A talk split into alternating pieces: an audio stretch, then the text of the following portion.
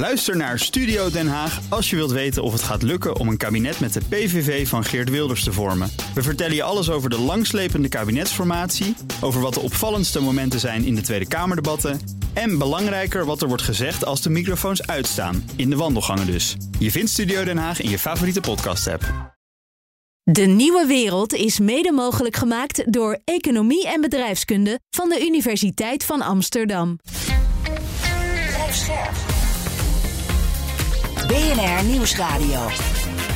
De nieuwe wereld. Annette van Soest. Hoge energie- en voedselprijzen treffen de laagste inkomens van onze samenleving hard. Maar ook de middenklasse kan steeds lastiger rondkomen en is financieel kwetsbaarder. En niet alleen op economisch, ook op sociaal gebied heeft de middenklasse steeds meer moeite om haar positie te handhaven. Wat als de problemen zich blijven opstapelen en het Amerikaanse fenomeen The Decline of the Middle Class ook hier zijn intrede doet? Wat als de middenklasse verdwijnt? Fear of Falling. Je hebt er vast wel eens van gehoord. Het begrip werd meer dan 30 jaar geleden geïntroduceerd door de eerder dit jaar overleden Amerikaanse journalist en schrijver Barbara Ehrenreich. This is a book about anxiety, about the anxieties, the secret self-doubts and worries of the middle class. Je hoort haar hier in een interview uit 1989, het jaar dat haar boek The Fear of Falling uitkwam. And fear of falling, well, that refers first to the kind of obvious fear of just sliding down in terms of income down into a poorer class.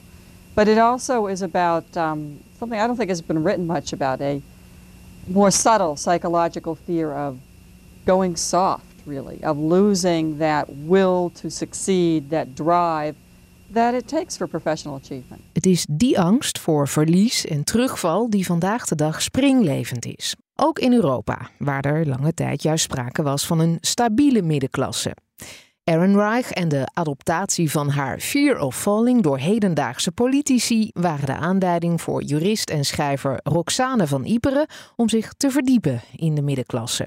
Ik denk dat de middenklasse in Nederland in ieder geval weer een beetje, um, een beetje geaaid moet worden. In haar essay Eigen welzijn eerst beschrijft Van Iperen een middenklasse die steeds meer op zichzelf en op zelfbehoud is gericht, haar liberale waarden verliest en conservatiever, intoleranter en vatbaarder is voor radicaal rechts en complottheorieën. Ik denk dat dat het is. Dat je die middenklasse weer belangrijker moet maken. Want die is altijd belangrijk geweest voor Nederland. Waarom? Waarom is een gezonde middenklasse zo belangrijk?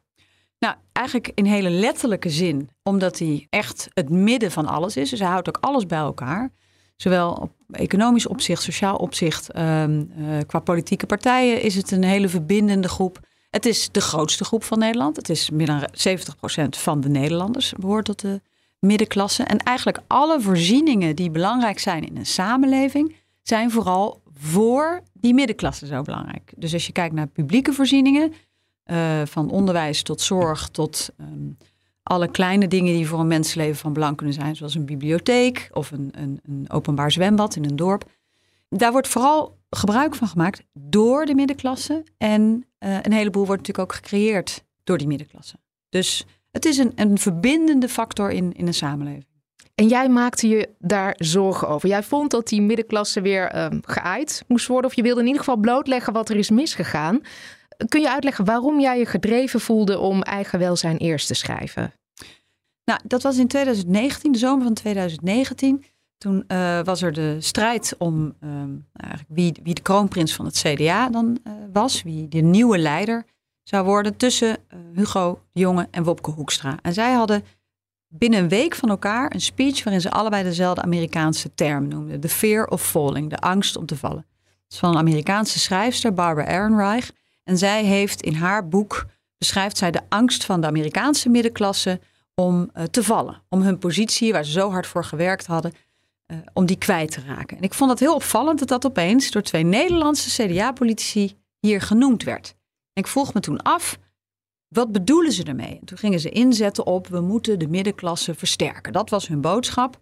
En ik vroeg me af, gaan ze dan uh, het verhaal van Sibrand Buma wat vooral een anti-migratieverhaal was, gaan ze dat dan laten vallen? Nou, dat deden ze niet, want aan het eind van hun verhaal koppelden ze allebei toch wel weer de angst voor verlies uh, van die middenklasse aan de komst van migranten. Maar voor mij was dat het startpunt van mijn zoektocht voor dit boek. Ja, de Wetenschappelijke Raad voor het Regeringsbeleid heeft in 2017 ook al een keer onderzoek gedaan naar de middenklasse en de eventuele wel of niet val daarvan. Daar kwam uit dat er vooral heel veel meer onzekerheid is binnen die groep. En dat heeft, zo beschrijf je ook, grote gevolgen. Klopt. Uh, wij zijn helemaal niet in de Amerikaanse situatie. Want dat wil ik meteen even zeggen. Je hoort vaak mensen zeggen uh, over hier... oh, onze middenklasse is, uh, is helemaal aan het verdwijnen. Nee, dat is echt de Amerikaanse situatie. Wij hebben wel een middenklasse. En die positie is ook prima, zo kun je het eigenlijk benoemen. Maar wat um, dat rapport vooral zegt is... ze moeten, die gezinnen in die middenklasse... moeten eigenlijk twee keer zo hard fietsen om dezelfde afstand af te leggen. Dus dat, dat, uh, um, dat zeggen ze eigenlijk wel Harder mooi. werken om hetzelfde inkomen te behouden. Of eigenlijk, eigenlijk de bestedingsruimte. Factoren, ja, de factoren ja. die altijd van belang waren voor die middenklasse... om uh, het eigenlijk beter te krijgen. En ook te weten, mijn kinderen krijgen het beter. Was via een diploma. Als ik een diploma haal, dan krijg ik het beter. Nou, dat is minder zo. Je hebt toch diploma-inflatie. Um, via werk. Natuurlijk enorm veel flexwerk. Uh, kwetsbare positie van ZZP'ers... Um, en het laatste was een vangnet. Dus risico durven nemen omdat je weet dat je iets hebt om op terug te vallen. En die drie pijlers, die zijn nou ja, veel minder stabiel dan ze uh, decennia geleden waren. Waarom lukt het, die grote middengroep? Het is geen homogene groep, nee. maar ze hebben een gemeenschappelijk belang. Waarom lukt het ze niet om zich te verenigen? Wat zijn dan de krachten die hen uit elkaar spelen? Nou, wat je ziet is dat, um, en dat is een wereldwijd fenomeen, niet alleen in Nederland, als je um, een groep onder druk, en dat is vaak uh, zorgen maken om inderdaad je bestaanszekerheid, en zeker ook krijgt de volgende generatie het niet slechter dan ik. Dat gaan we eigenlijk in deze generatie voor het allereerst ook meemaken. Sinds de oorlog hebben we dat in Nederland niet gezien. Dan gaan mensen naar binnen, zich naar binnen keren. Ze gaan zich opsluiten. Eigenlijk gaan de luiken dicht. Waar je voorheen open stond, bijvoorbeeld voor het losser worden in religieuze tradities, culturele tradities, uh, denkbeelden over mannen en vrouwen, over huwelijken, over samenzijnsvormen. Um, daarin word je opener naarmate je meer kan veroorloven. En nou ja, het tegenovergestelde is ook waar. Dus hoe meer je onder druk staat, hoe meer je teruggrijpt naar ouderwetse denkbeelden.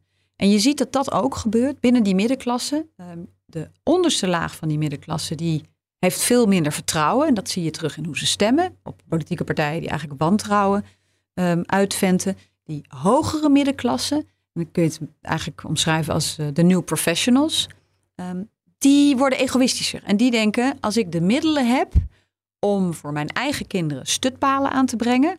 Dus de school is slecht. Dus ik schakel Luzak of bijles in. Uh, de zorg is niet op maat. Ik ga wel naar een privékliniek voor mijn knie. Al die dingen, je ziet dus dat uh, dat deel van de middenklasse, die wordt egoïstischer gedrag. Jij omschrijft ook goed in je essay hoe het gedrag van die hogere middenklasse, eigenlijk het wantrouwen van die lagere middenklasse, weer voedt. Ja, klopt. Uh, die hogere middenklasse, of die new professionals eigenlijk, die, die doen dat onbewust. Maar zij creëren een soort uh, country club mentaliteit. Ons kent ons, um, waarbij niet de beste man op de beste plaats op een gegeven moment terechtkomt, maar iedereen kent elkaar. We zien vaak op het nieuws zien we dan iemand die uit politiek Den Haag komt en die schuift dan door naar het bedrijfsleven. Dan zijn we allemaal uh, heel erg boos. En ik denk dat heel veel mensen zich niet realiseren dat, um, dat we dat zelf, als je in de betere middenklasse zit, ook heel veel doen. Zitten je kinderen op de juiste club? Gaan ze met de juiste mensen om? Waar ga je op vakantie? In wat voor netwerkclubjes zitten papa en mama?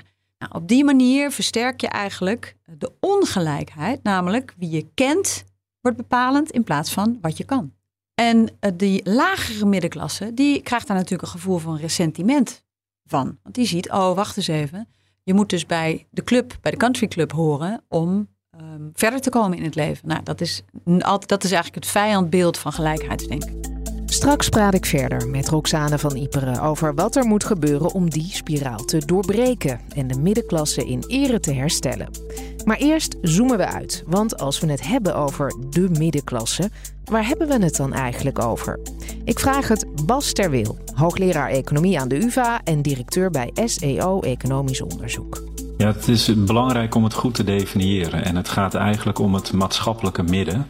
En dat bestaat uit uh, drie groepen. Dus het zijn de middelbaar opgeleide, personen met een MBO-diploma zou je kunnen zeggen.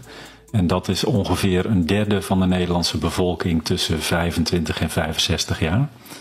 En dan als tweede heb je de middenberoepen. En dat zijn vaak dienstenberoepen uh, in de verkoop of in de zorg. Dat zijn kleine werkgevers, zelfstandigen, ook boeren.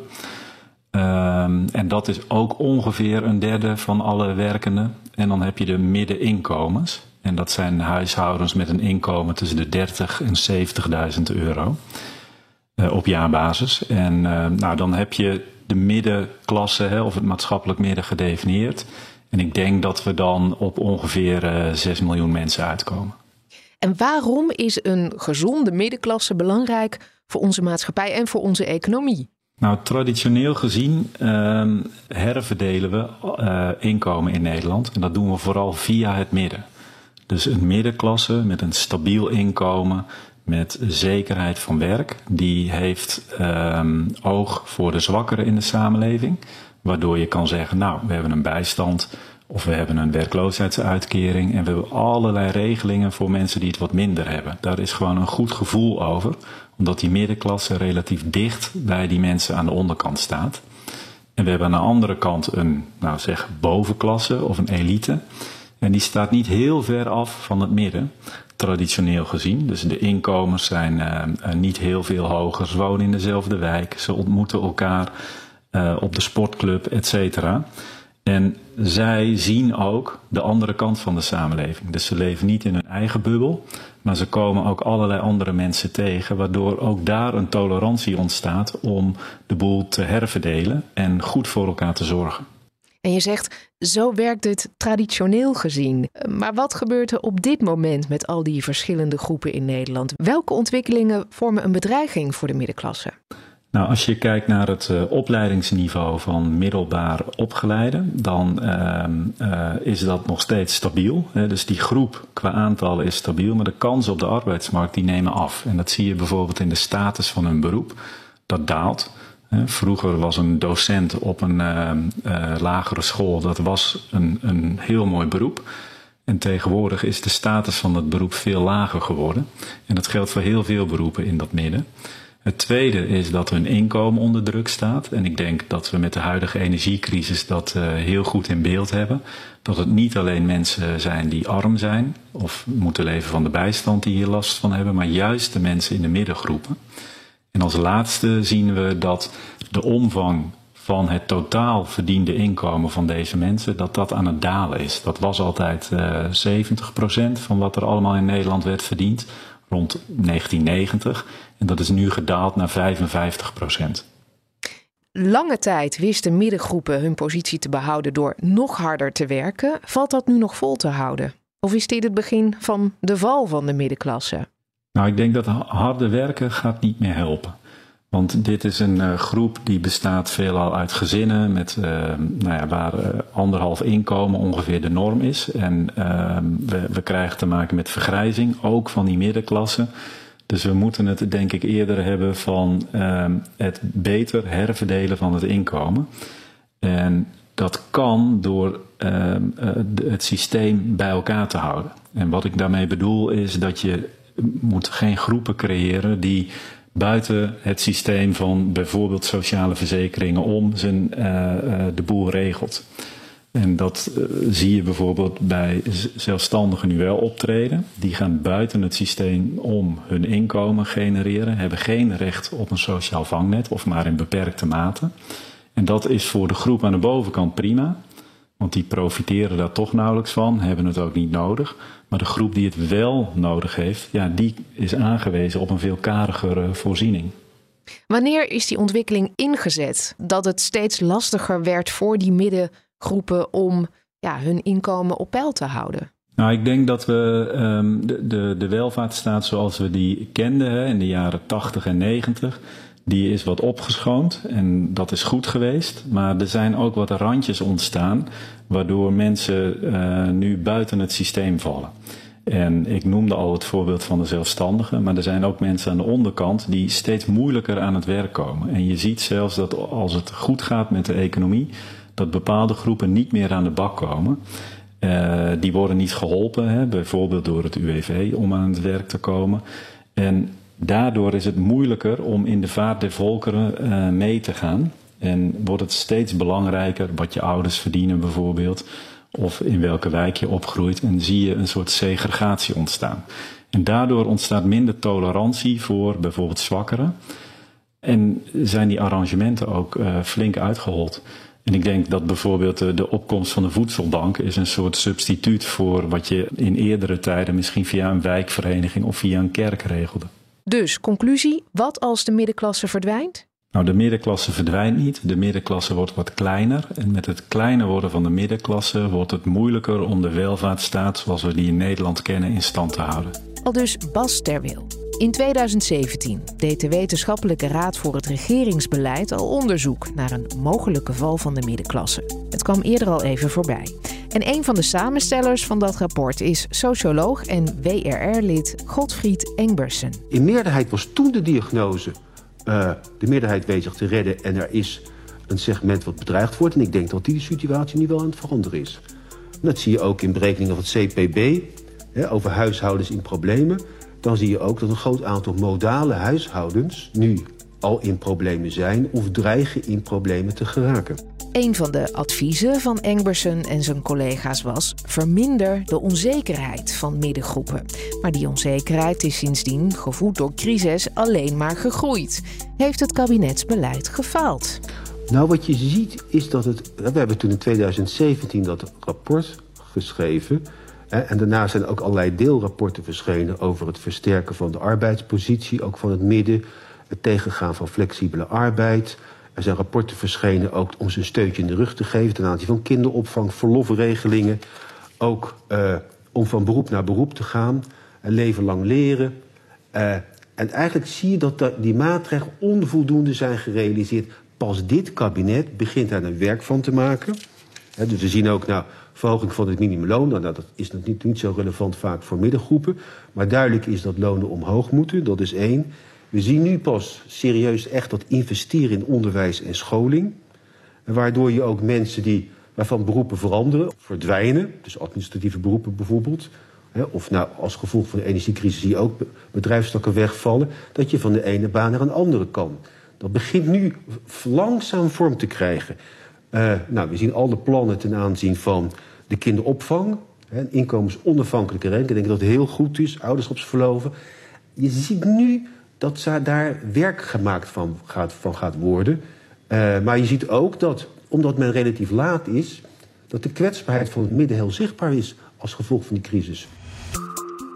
Ja, waarmee is de kwetsbare middenklasse nu het meest geholpen? Godfried Engbersen gaf al een voorzetje en ook bovenaan de lijst van Bas ter Wil staat hervorming van de arbeidsmarkt. Ik denk dat flexibilisering voor sommige groepen heel goed is, maar we hebben in Nederland een situatie gecreëerd waarbij mensen die bescherming niet nodig hebben, die bescherming juist wel hebben. Alle hoger opgeleiden hebben een vaste baan met alle toeters en bellen die daarbij horen. Terwijl de mensen aan de onderkant, die juist gebruik zouden moeten kunnen maken van die voorzieningen, daar nauwelijks recht op hebben, omdat ze in flexibele banen terecht zijn gekomen. Dus als we bijvoorbeeld uh, adviezen van de commissie regulering van werk gaan invoeren, dan zou dat voor bijvoorbeeld de zorg al enorm schelen. Dan is daar weer bestaanszekerheid, dan is daar werkzekerheid en dan hebben die mensen een goed inkomen en kunnen ze daarvan ook rondkomen. Zullen de miljarden die dit kabinet nu steekt in koopkrachtreparatie en het dempen van de hoge energierekeningen, zal dat een val van de lagere middenklasse voorkomen? Zorgt dat voor een zachte landing? Nou, op korte termijn helpt dit natuurlijk. Uh, maar we helpen iedereen in Nederland. Dus uh, het zal leiden tot nivellering, omdat het een, een bedrag is waar de lagere inkomens meer van profiteren dan de hogere inkomens. Maar het is heel duur, het is niet gericht. Dus ik denk voor een jaar dat het zal helpen, maar het is geen structurele oplossing. Terug naar Roxane van Iperen. Aan welke oplossingen denkt zij? Ik denk dat er een paar concrete en, en um, abstracte dingen kunnen gebeuren. Nou, de concrete dingen, wat mij betreft, is inzetten op goede publieke voorzieningen voor iedereen. Als het zo is zoals nu, dat uh, jouw kinderen bijvoorbeeld in jouw wijk heel goed onderwijs krijgen, mijn kinderen in mijn wijk veel slechter onderwijs, ja, dat, dat, dat is niet wat we ooit hebben afgesproken met elkaar. Dus wat dat betreft inzetten op weer goed niveau publieke voorzieningen um, voor mensen uit alle achtergronden. Tweede is dat we al heel lang aan zitten te hikken tegen een belastingherziening. Je hoort het iedereen zeggen. Het staat altijd in alle partijprogramma's. en bij ieder regeerakkoord sneuvelt het. Dus dat we gaan inzetten op een verlichting van uh, belasting op arbeid. En het belasting op vermogen eigenlijk uh, gaan verzwaren. Nou, en dan de meer abstracte waarde die ik graag uit die middenklasse zou uh, gehaald zien worden, is beloon ook weer, dat doe je ook via belasting, maar beloon ook weer die waarden die in een middenklasse zitten. Waarbij je zegt, werken voor je geld, daar zit discipline achter. Op tijd komen, uh, doorzettingsvermogen. Het feit dat je eigenlijk onderdeel deelneemt aan een samenleving en daaraan geeft en neemt. Dat is natuurlijk een enorm verschil met die hele dunne bovenklasse. Die in principe niet afhankelijk is van publieke voorzieningen, niet standplaatsgebonden is. Dus ja, ik denk als je daarop in gaat zetten, nou, dan denk ik dat die middenklasse zich redelijk snel uh, ook wel weer kan openstellen. Maar daar hebben we ook de middenklasse zelf voor nodig, de burgers. Ja. Die moeten dan ook hiervoor gaan stemmen. En dat doen ze niet. Nou, dat zie Tenminste. je inderdaad. Ja, het is een cirkel, hè? Het is een beetje een cirkel. Je beschrijft een soort hoe ze steeds conservatiever Ja. worden en vatbaarder voor juist radicaal rechtse Ja. eh, gedachtegoed. Ja. Nou, je ziet dat inmiddels de link, eh, dat is in, heel Europa zie je dat de link tussen enerzijds we hebben het slechter en anderzijds dat is de oorzaak van de ander. Dat is zo ingeburgerd en dat leidt uiteraard tot korte termijn beleid. Die cirkel zou je moeten durven doorbreken. En er zijn heus politieke partijen, eh, ook centrumrechtse politieke partijen, die steeds wel met plannen komen. Maar je ziet gewoon niet terugkomen in de regeerakkoorden. Ja, ik denk, nou ja, dat is natuurlijk ook waarom ik zo'n boekje schrijf. Ik, ik blijf dit verhaal gewoon net zo lang verkopen. Er zijn genoeg politici die het verhaal verkondigen. Er zijn genoeg burgers die het verkondigen. Ja, dus ik ben daar wel toch, wil daar optimistisch over zijn. Eh, Met een kleine. Ja. Ik ben realistisch optimistisch. ja. Dit was De Nieuwe Wereld. Volgende week dinsdag zijn we er weer of luister wanneer je wil in je podcast-app. De Nieuwe Wereld is mede mogelijk gemaakt door Economie en Bedrijfskunde van de Universiteit van Amsterdam. Ook Hugo Reitsma vind je in de BNR-app. Superhandig die BNR-app. Je kunt alle programma's live luisteren, breaking nieuwsmeldingen. Je blijft op de hoogte van het laatste zakelijke nieuws. En je vindt er alle BNR-podcasts, waaronder natuurlijk de belangrijkste, Boeken zijn in de wijk. Download nu de gratis BNR-app en blijf scherp.